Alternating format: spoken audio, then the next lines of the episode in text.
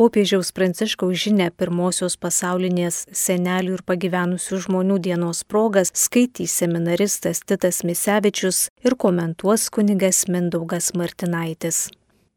Gaudiam juvenės dumsumus. Džiaugimės, kol esame jauni. Skambo studentų himno pirmą eilutę.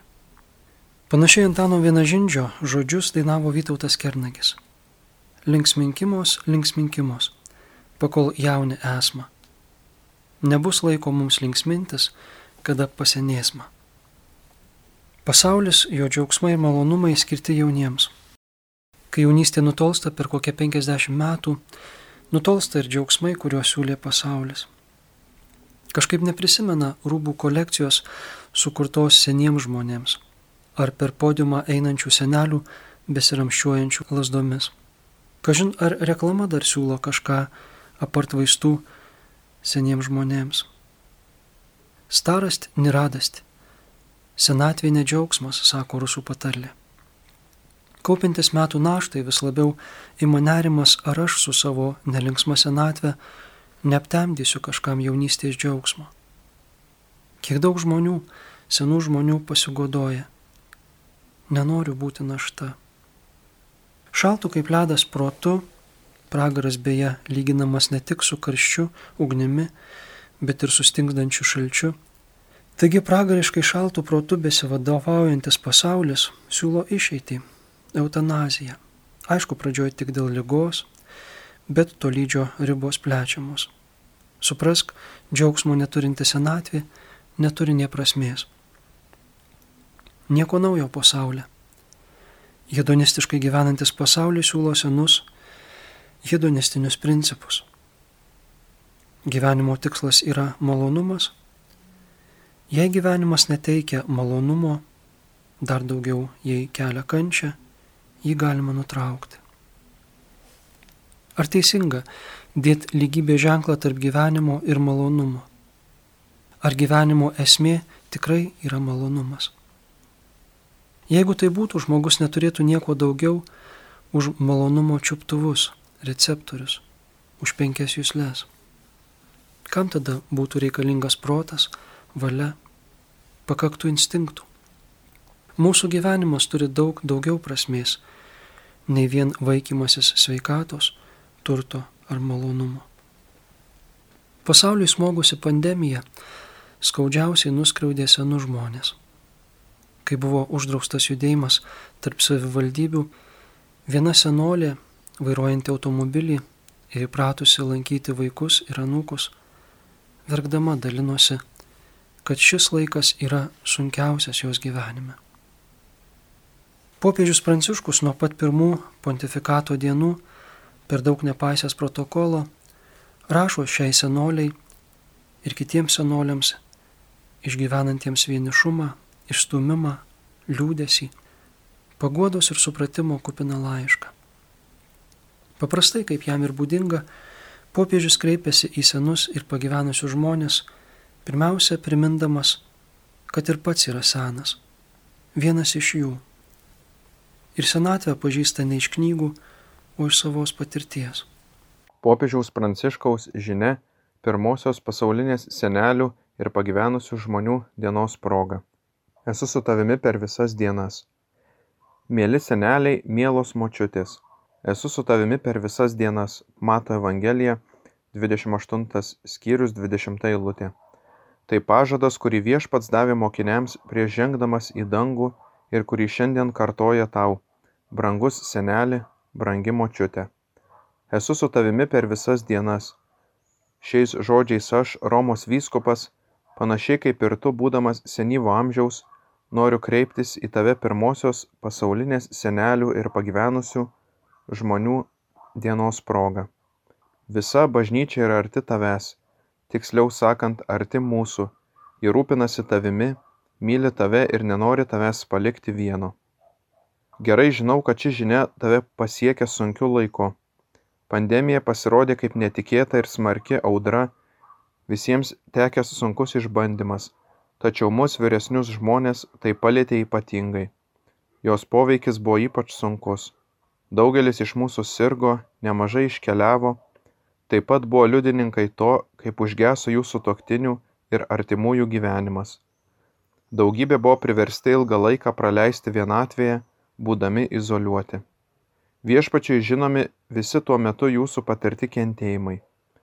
Jis labai arti tų, kurie išgyveno skausmingą nušalinimą. Jis nebeingas mūsų vienišumui, kuris tapo dar sunkesnis pandemijos metu. Pasak vieno tradicinio pasakojimo, šventasis Joakimas Jėzaus senelis jautėsi nušalintas nuo savo bendruomenės, nes neturėjo vaikų. Jo taip pat jo žmonos onos gyvenimas buvo laikomas nevertingu. Tačiau viešpats jam pasiuntė angelą, kad jį paguostų. Kai nuliūdęs laukė prie miesto vartų, jam pasirodė Dievo pasiuntinys ir pasakė, Joakimai, Joakimai, viešpats išklausė tavo atkaklę maldą. Gioto vienoje iš savo garsiųjų freskų vaizduoja šį epizodą naktį. Tai viena iš daugybės bemiegių naktų, prie kurių nemažai mūsų esame įpratę, jos pilnos atsiminimų, rūpeščių ir troškimų. Tačiau ir tuomet, kai viskas atrodo panyra sutemose, kaip tais pandemijos mėnesiais viešpats nesiliauja mums siuntęs angelų, kad paguostų mus vienatvėje ir kartotų, esu su tavimi per visas dienas. Jis tai sako tau, man ir visiems. Tokia yra šios pasaulinės dienos prasme.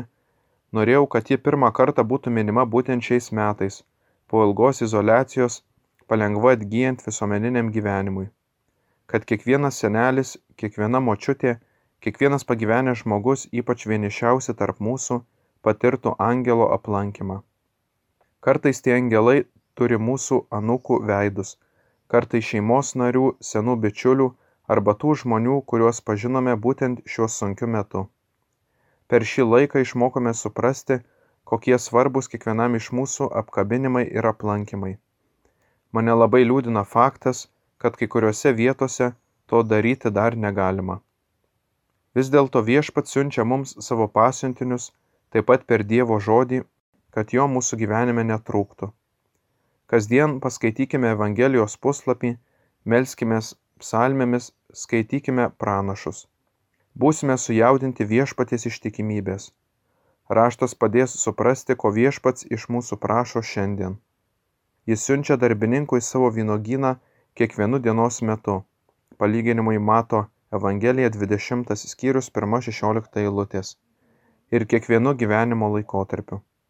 Aš taip pat galiu paliudyti, kad gavau kvietimą būti Romos vyskupu tuomet, kai pasiekiau, taip sakant, pensijos amžių ir nemaniau, jog pajėgsiu nuveikti daug naujų dalykų. Viešpats visuomet arti mūsų. Jis visuomet su naujais kvietimais, naujais žodžiais, su savo paguoda visada arti mūsų. Žinote, viešpats yra amžinas ir niekada neišeina į pensiją.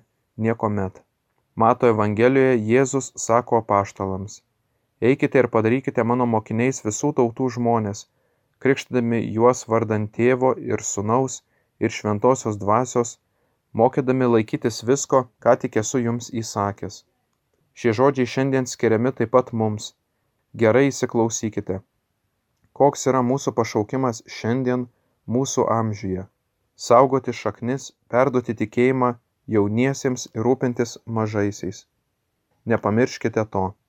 Nesvarbu, kiek tau metų, ar dar dirbi, ar jau nebe, ar likai vienas, ar turi šeimą, ar tapai močiute, seneliu, kiek anksčiau ar vėliau, ar dar esi savarankiškas, ar tau reikia pagalbos, nes nėra pensininio amžiaus kalbant apie užduotį skelbti Evangeliją ir perduoti tradiciją anūkams reikia leistis į kelią ir pirmiausia išeiti iš savo ribų, kad galėtume imtis ko nors naujo.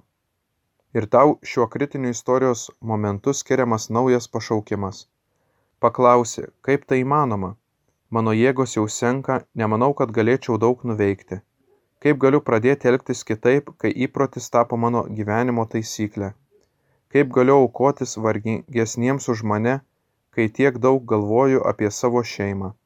kokiu būdu galiu praplėsti savo požiūrį, kai man negalima išeiti iš namų, kuriuose gyvenu. Argi mano vienišumas nėra pernelyg sunki našta?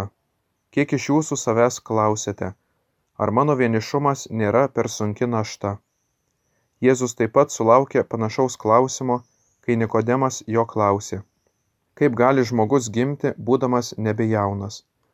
Iš Jono Evangelijos trečios skyriaus ketvirta eilutė. Viešpats atsako, kad tai gali įvykti atveriant širdį šventosios dvasios veikimai, kuri pučia kur nori. Šventoji dvasia yra laisva, ji pasiekia visur ir daro, ką nori. Kiek daug kartų kartojau, iš krizės, kurioje atsidūrė pasaulis, neišeisime tokie patys išeisime geresni arba blogesni. Ir Dieve duok, kad tai nebūtų vienas iš daugelio sunkių istorijos epizodų, iš kurio nesugebėjome pasimokyti. Esame kietakakčiai. Kad nepamirštume senų žmonių, mirusių dėl respiratorių stokos, kad tokia didelė kančia būtų ne veltui, bet žingsnis perinant prie naujo gyvenimo būdo.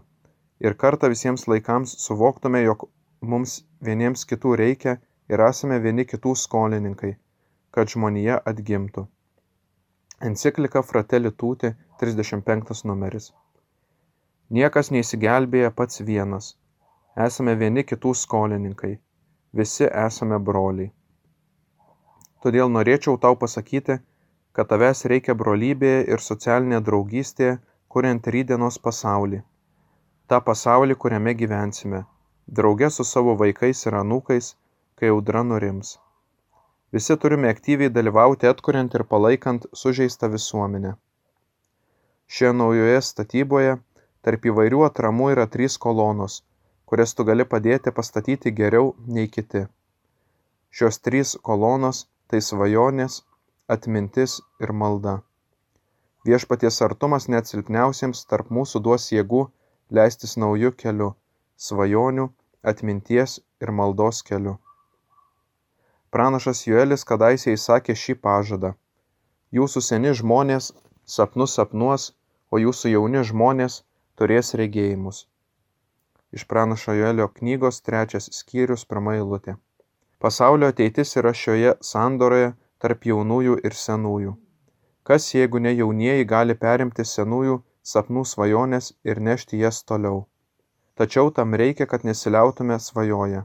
Mūsų svajonėse apie teisingumą, taiką solidarumą glūdi galimybė kad mūsų jaunieji patirs naujus regėjimus ir taip drauge galėsime kurti ateitį reikia kad ir tu paliudytum jog patyrus išbandymą galima išeiti atsinaujinus esu tikras tas išbandymas ne vienintelis savo gyvenime patyrei jų daug ir tau pavyko juos įveikti. Pasimokyk iš šios patirties kad dabar įveiktum krizę. Svajonės yra susipynusios su atmintimi. Galvoju apie tai kokia vertinga yra skausminga karo atmintis ir kiek daug kartos gali iš jos išmokti kas yra taikos vertybė.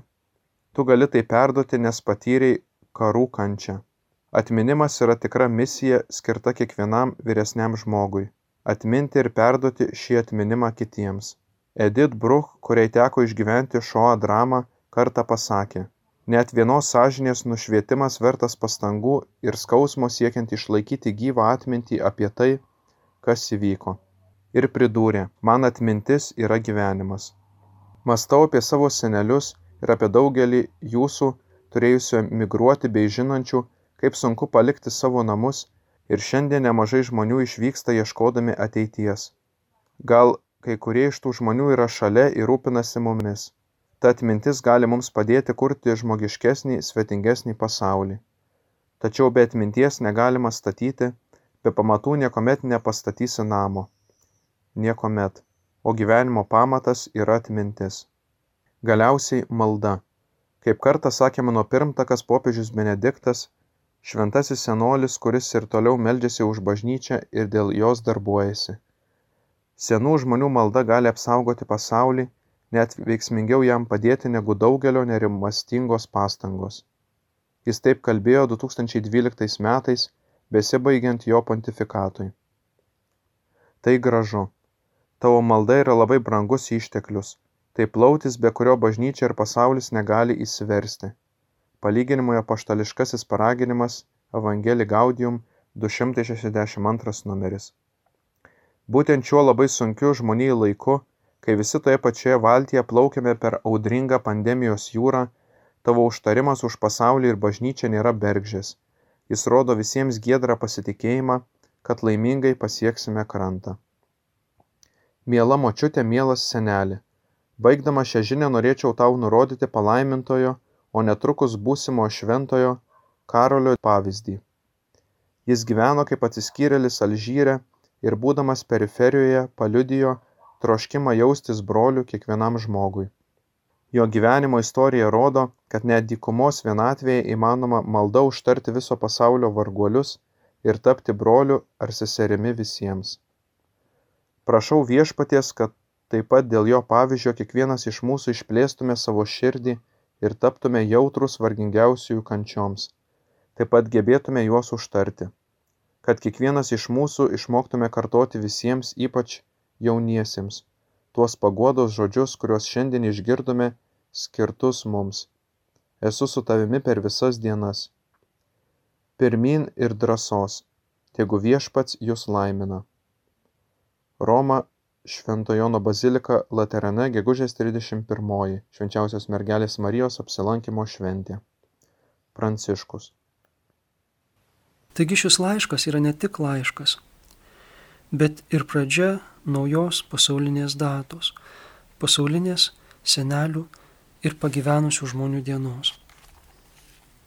Tarp kitų pasaulinių dienų vargstančiųjų, ligonių, visuomenės komunikavimo priemonių dienos, taikos, misijų, jaunimo, migrantų ir pabėgėlių, gyvybės dienos, atsiranda dar viena - senų ir pagyvenusių žmonių diena. Bažnyčia atsiliepia į labai jautrią problemą. Seni žmonės išstumiami, senatvės bodimasi.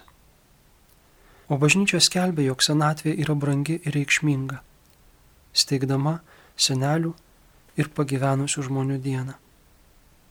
Popiežius Jonas Paulius II tai darė savo būdu.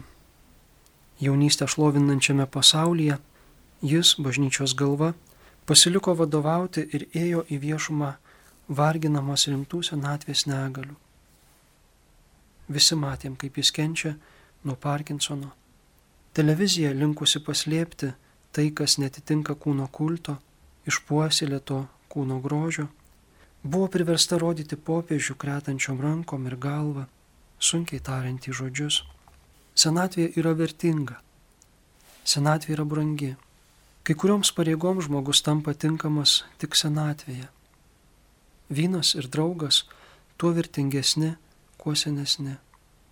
Vargas tau šalyje, kurios karalius jaunuolis, skaitome mokytojo knygoje.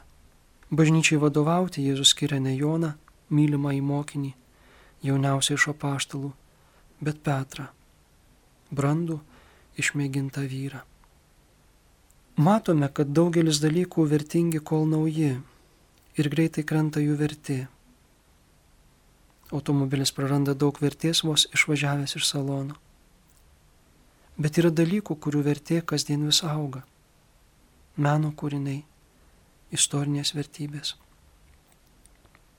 Prie ko priskirsime žmogų? Popiežius kalba aktualiai, žvelgdamas į šio laikmečio sunkumus kuriuos patiria seni žmonės. Gerai žinau, rašo jis, kad ši žinia tave pasiekė sunkiu laiku. Pandemija pasirodė kaip netikėta ir sunki audra. Visiems tekė sunkus išbandymas. Tačiau mus, vyresnius žmonės, tai palėtė ypatingai.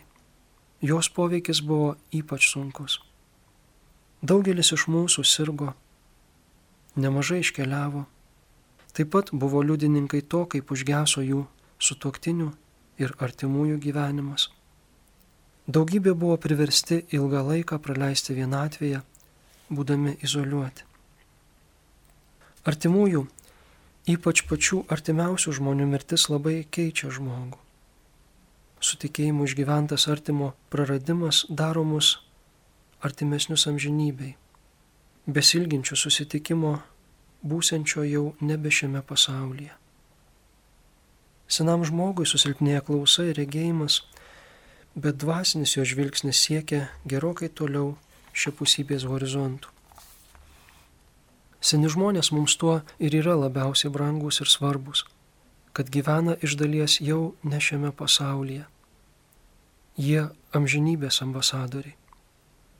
Kas moko vaikus tikėjimo ir poterių? Močiutės. Kas rodo vaikams tikėjimo pavyzdį? Seneliai. O jeigu to nedaro, tai labai gaila, kad apleidžia tokią svarbę savo pareigą. Koks nuostolis, jei žmogus prieina senatvę, netradęs tikėjimo. Išgyvenantiems skausmingą išstumimą, nušalinimą dėl senatvės, popiežius primena išganimo istorijos asmenis, patyrusius panašių atstumimų ir nušalinimų. Šventajame rašte randame ne vieną istoriją, kur Dievas svarbioms misijoms pasirenka ne jaunus, stiprius ir energingus, o senus žmonės. Abraomas ir Sara stebisi, kad Dievas svarbiausią savo pažadą išpildo tada, kai jie patys yra seni ir fiziškai nepajėgus tam, ką Dievas jiems žada. Mozė šaukiamas išves Dievo tautą iš Egipto irgi ne pačiam jėgų žydėjime. Zacharijas ir Elsbieta, Jono Krikštytojo tėvai, svarbiausia gyvenimo misija išpildo senatvėje. Marijos tėvai, Jėzaus seneliai irgi buvo išstumti ir nurašyti. Beje, jie ir yra šio senelių ir pagyvenusių žmonių dienos patronai ir globėjai. Šių dviejų senelių, Joakimo ir Onos gyvenimas buvo laikomas nevertingu. Jie jautėsi nušalinti iš bendruomenės, nes neturėjo vaikų. Ir šie nesėkmingi seneliai tampa paties Jėzaus seneliais. O tai juk, oho, koks įvertinimas. Popiežius parenka ir paveikslą - Džoto freską vaizduojančią angelo apsireiškimą Joakimui. Šis apsireiškimas pakeičia visą Joakimo ir Onos istoriją. Ir ne tik jų. Paveikslo fonas tamsus, jis vaizduoja naktį vykstantį angelo apsireiškimą. Tamsa popiežius palygina su sunkiais pandemijos mėnesiais, o angelą su tais Dievo pasiuntiniais, kurie primena, esu su tavimi per visas dienas. Kartais tie angelai turi mūsų anūkų veidus, kartais šeimos narių, senų bičiulių, arba tų žmonių, kuriuos pažinome būtent šiuo sunkiu metu. Bet taip pat angelo apsilankymą ir paguodą galime išgyventi per Dievo žodį. Popiežius kviečia kasdien paskaityti Evangelijos puslapį, melstis psalmėmis, skaityti pranašus. Būsime sujaudinti viešpaties ištikimybę. Raštas padės suprasti, ko viešpats iš mūsų prašo šiandien. Jis siunčia darbininkui savo pjūtį kiekvienu dienos metu, sako popiežius. Gan netikėta, kad seniems ir pagyvenusiems žmonėms popiežius kartoja Jėzaus žodžius, kuriuos girdim per kunigystės šventimus ar vienuolių įžadus. Tuos žodžius, kuriuos Jėzus sakė energingiems ir jauniems savo paštalams. Eikite ir padarykite mano mokiniais visų tautų žmonės, krikštydami juos vardant tėvo ir sunaus ir šventosios dvasios mokydami laikytis visko, ką tik esu jums įsakęs. Be abejo, kad seni žmonės nėra pašaukti būti sakramentų teikėjais ar misionieriais vykstančiais į tolimą šalis. Šiuose Jėzaus žodžiuose popiežius įskaito senų žmonių pašaukimą saugoti šaknis, perduoti tikėjimą jauniesiems ir rūpintis mažaisiais. Kasgi yra tos mūsų šaknys, kurias reikia saugoti? Tai mūsų ryšys su Dievu, su amžinybė. Apaštalas Paulius sako, kad čia neturim amžiams išliekančio būsto, bet ieškome būsimojo. O evangelistas Lukas, pasakodamas Jėzaus genealogiją, atveda ją iki Adomo, kuris buvo Dievo. Jis ir mums parodo, kad mūsų kilmė, mūsų pradžia ir pabaiga yra Dieve. Tiksliau pabaigos nėra yra amžinybė su juo jame. Taigi nors mes gyvename šiame pasaulyje, kuris darosi vis labiau bešaknis ir kosmopolitiškas, mūsų šaknys lypi giliai amžinybėje. Be abejo, senoliai kviečiami saugoti ir tas žemiškas šaknis, žemiškas giminės istorijas, tėvų ir protėvių istorijas, nusidriekiančias mūsų požiūriu į seną praeitį o Dievo žvilgsniu į nuolatinį jo dabar. Tikėjimo perdavimas, kaip kalbėjom, seniems žmonėms yra natūrali pareiga. Gali būti nemokytas žmogus, nemokėti skaityti ir, rašyti, bet tikėjimą gali perduoti užtikrintai. Kaip Dievo karalystėje nuo švento rašto nėra valgio ar gėrimo dalykas, taip tikėjimas nėra vien logikos ir proto dalykas. Vienas pusamžis vyras pasakojo, kaip grįžęs iš tarybinės kariuomenės buvo evangelizuota savo senelio. Visa tarybinė sistema jam kartojo. Dievo nėra. Tikėjimas tai opijus liaudžiai. Tas vyras prisimena trumpą savo pokalbį su seneliu. Tik poros sakinių pokalbį kuris ir šiandien stiprina jo tikėjimą. Senelis paklausė, ar tu tiki Dievu? Aš sakau, nežinau, gal šiek tiek tikiu, o senelis sako, reikia tikėti Dievu. Viskas. Tai visas pokalbis. Jokių argumentų, jokių įrodymų. Senelis pasakė, kad reikia tikėti Dievu. Ir tai svarbiausias įrodymas. Galbūt senelio gyvenimas ir meilė anūkui yra stipriausias argumentas tikėti Dievu, kuriuo ir senelis tikėjo. Iš protingų žmonių teko išgirsti, kad teiginys yra stipresnis dalykas už argumentaciją ir įrodymus. Kiek berašių močiučių anūkus išmokė tikėjimo daug geriau nei šauniausi katechetai. Rūpestis mažaisiais - trečias dalykas, kurį popiežius įskaito Jėzaus siuntime nešti Evangeliją pasauliui.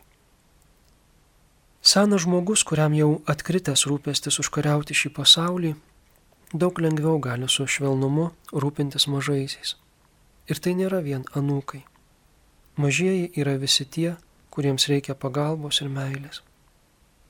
Į įvairias savanoriškas veiklas, besirūpinančias vargšais, daugiausia galimybių įjungti turi jaunimas ir senoliai.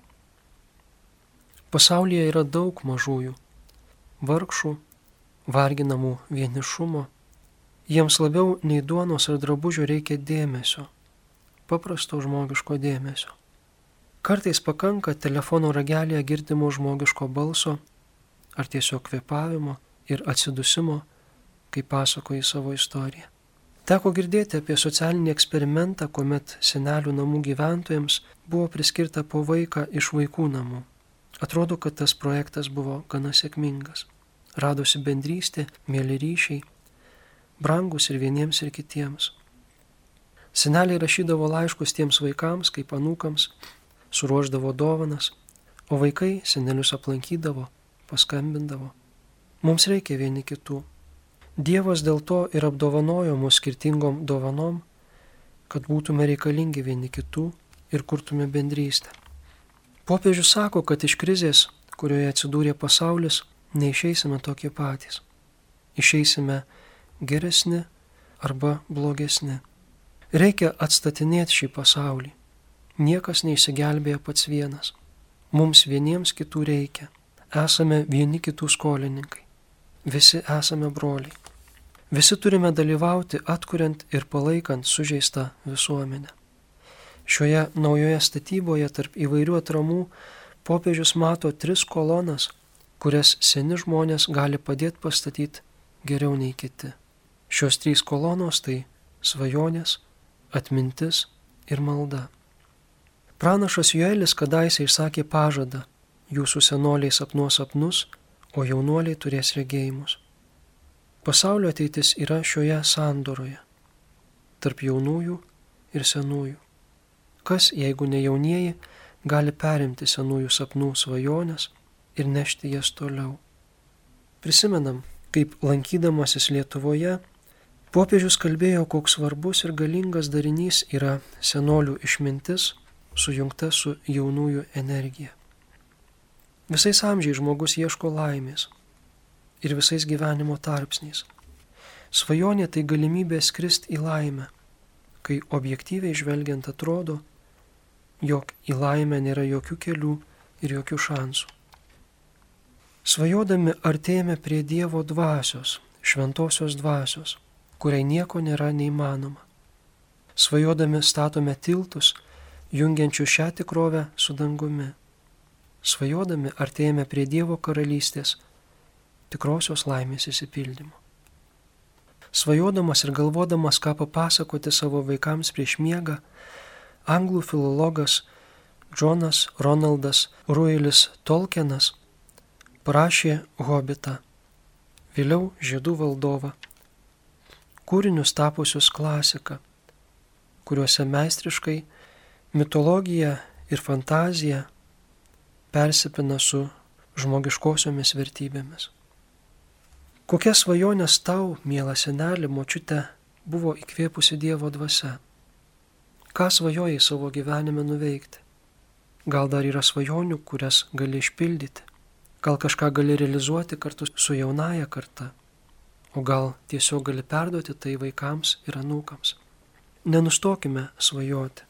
Žmogus gyvas fiziškai, kol kvepuoja, o dvasiškai, kol svajoja. Multiplikacinis filmas aukštyn primena, kad iš horizontalaus mūsų gyvenimo labirinto visada yra vertikalus išėjimas per svajonę. Mes kaip tikintys žmonės dar pridėsime ir per maldą. Kita atstatomo pasaulio kolona yra atmintis. Tai labai svarbus ramstis pasaulio taikai ir geroviai. Emocijomis manipuliuojančiam populizmui ir neomarksistinė forma šiandien atgimstančiam totalitarizmui, atsvara yra senolių atmintis. Juk tai jau pažįstama ir matyta, ir labai skaudžiai patirta. Jaunimas bevelėtų vėl ryštis raudonus kaklaraiščius, sekti žvaigždės ar svastikas, o senoliai gali papasakot, į kur tai veda. Beje, vaivorykštiniai ženkleliai veda ten pat. Kaip sako Džordžas Orvelas, sistemai yra pavojingas tas žmogus, kuris išsaugo atmintį. Popiežius rašo, kad labai vertinga yra skausminga karo atmintis, iš kurios naujos kartos gali išmokti vertinti taiką. Atmintis yra tikra misija, skirta perduoti, išsaugoti tą konkretaus žmogaus patirtį kitiems. Atmintis gali mums padėti kurti žmogiškesnį, svetingesnį pasaulį. Tačiau be atminties negalima statyti. Be pamatų niekuomet nepastatysi namo. Niekuomet. O gyvenimo pamatas yra atmintis. Kartais lankant žmonės užčiuopi kokią atminties istorijos gyslą. Koks senolis ar senolė atsimena karą, lagerį, partizanus, pats yra buvęs partizanu ar buvus ryšininkė. Bet jie patys jau yra kaip mirksinčios lempelės tuoj užges. Ir tikrai labai greitai tokių žmonių netenka. Tada prisimena Jono Mačiulio žodžiai. Kaip norėčiau prikelti bent vieną senelį iš kapų milžinų ir išgirsti bent vieną, bet gyvą žodelį iš senųjų laikų. Mėly seneliai, jau ne tik popiežiaus, bet visos Lietuvos vardu maldaujam jūs, nenusineškite į kapus savosios istorijos.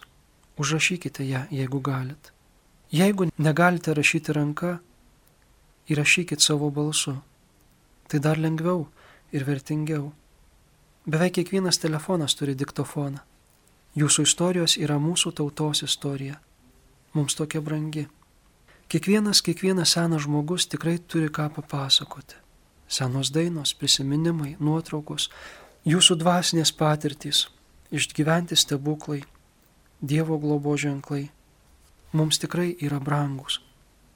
Tikinti žmogus savo dabartį ir ateitį supranta, žvelgdamas atgal į praeitį, į išganimo istoriją, į istoriją žmonių nuo Abraomo iki apaštalo Pauliaus. Panašiai valtimi plaukianti žmogus savo kryptį pirmin suvokia žvelgdamas atgal į ten, iš kur atplaukė. Ir mes, kiekviena nauja karta, išaugam ant jūsų istorijų, mėly tėvai ir seneliai Ir žvelgdami į jūsų istorijas, suprantam, kaip Dievas mus veda ir kur mes turime eiti. Vertingos yra ne tik sėkmės istorijos, tragiškos istorijos net įtaigiau į mus prabyla ir pamoko, kaip teisingai gyventi.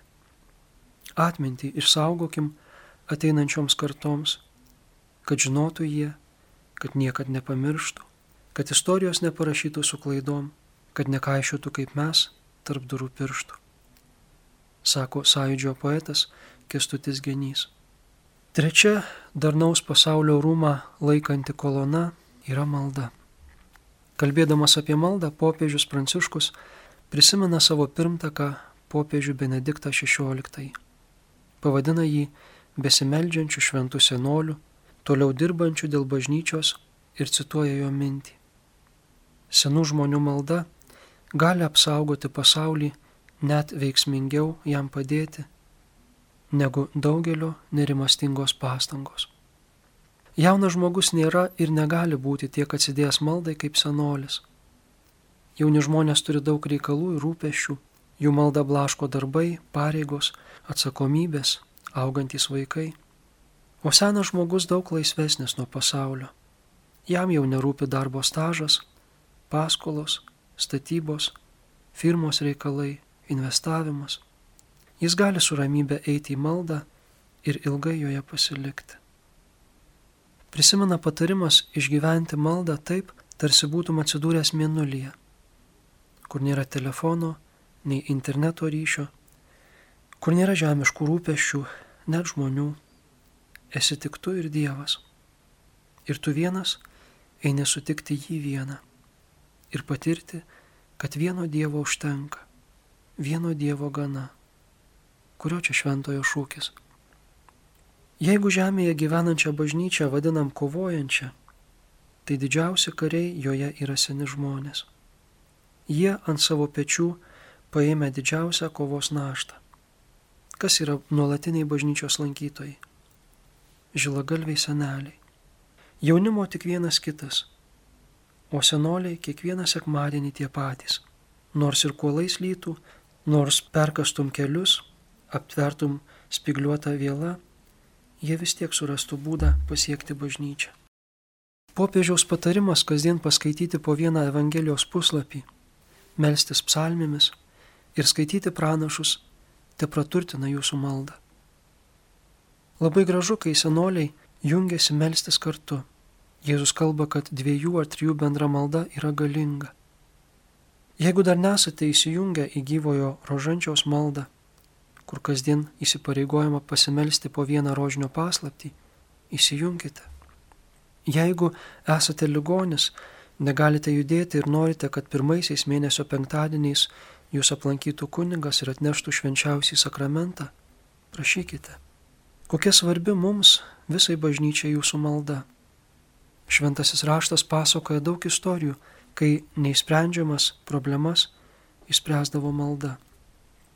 Esteros knygoje skaitome, kai susimokius išžudyti visus žydus visose Persijos provincijose ir jau išsiuntinėjus raštus su numatyta diena, kada tai įvyks, Dėl nuoširdžios ir kažtos tikinčiųjų maldos tas blogis atsisuko prieš pačius jo organizatorius, o žydų tauta buvo išsaugota. Mozės malda iškeltos rankos lėmė pergalę kovoje su priešais. Dėl topito maldos iš dangaus siunčiamas arkangelas Rafaelis pagelbėti jam ir jo šeimai. Daug gali karšta teisiojo malda. Šiandien nekartą įsitikinam, kad kovojame ne su kūnu ir krauju, bet su kunigaikštystėmis, valdžiomis ir galybėmis, su šio pasaulio kunigaikščiu, o malda greuna jo tvirtovės. Dėl to, kad Lietuvoje dar nepriimti šeimai priešiški įstatymai ir tas damoklo kardas su genderizmu dar nenukrito ant mūsų, ačiū tiems, kurie meldėsi ir laikė maldos skydą, prašydami, kad Dievas apsaugotų šeimą visuomenės ir valstybės pagrindą. Baigdamas laišką popiežius nurodo palaimintojo, netrukus būsiančio šventojo Karolio de Foucault pavyzdį. Jis gyvendamas kaip atsiskyrėlis Alžyro dykumoje, paliudijo troškimą jaustis broliu kiekvienam žmogui. Per maldą užtardamas viso pasaulio varguolius, tapo broliu visiems. Kaip sako šventoji sesuo Faustina, malda siekia ten, kur aš pati nepasiekiu. Malda yra tas geras darbas, kurį galiu daryti net tada, kai negaliu pajudinti nei rankų, nei kojų. Popiežius kviečia žvelgti į Jėzų ir pagal jo pavyzdį būti jautriais vargingiausiųjų kančioms, juos užtarti. Jis linki, kad turėtume plačią ir jautrę širdį ir mokėtume visiems paliudyti tą žinę, kuris stiprina mus pačius, kurią popiežius pradeda ir užbaigia šį laišką, kuris skamba kaip pasaulinės senų žmonių dienos šūkis. Esu su tavimi per visas dienas.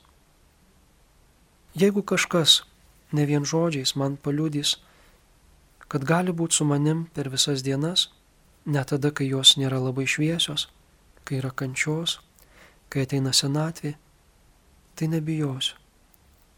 Nebijosiu pasent, nebijosiu būti našta, nebijosiu apkartinti kitų gyvenimą. Bet kol esame gyvi, darykime gerą. Šventasis Pranciškus Asižėtis vienoj maldoj prašė, kad Dievas išmokytų jį kitiems nešti ir dovanoti tai, ką pats norėtų gauti. Ta malda skamba taip. Viešpatie, padaryk mane savosios ramybės pasiuntiniu ir leisk man nešti meilę, kur siaučia neapykanta, santaiką, kur vyrauja barniai, vienybę, kur yra skilimas, tikėjimą, kur kankina abejonės, tiesą, kur viešpatauja klaida viltį, kur braunasi nusiminimas, džiaugsmą, kur slegia liudesys, šviesą, kur užgulusios tamsybės.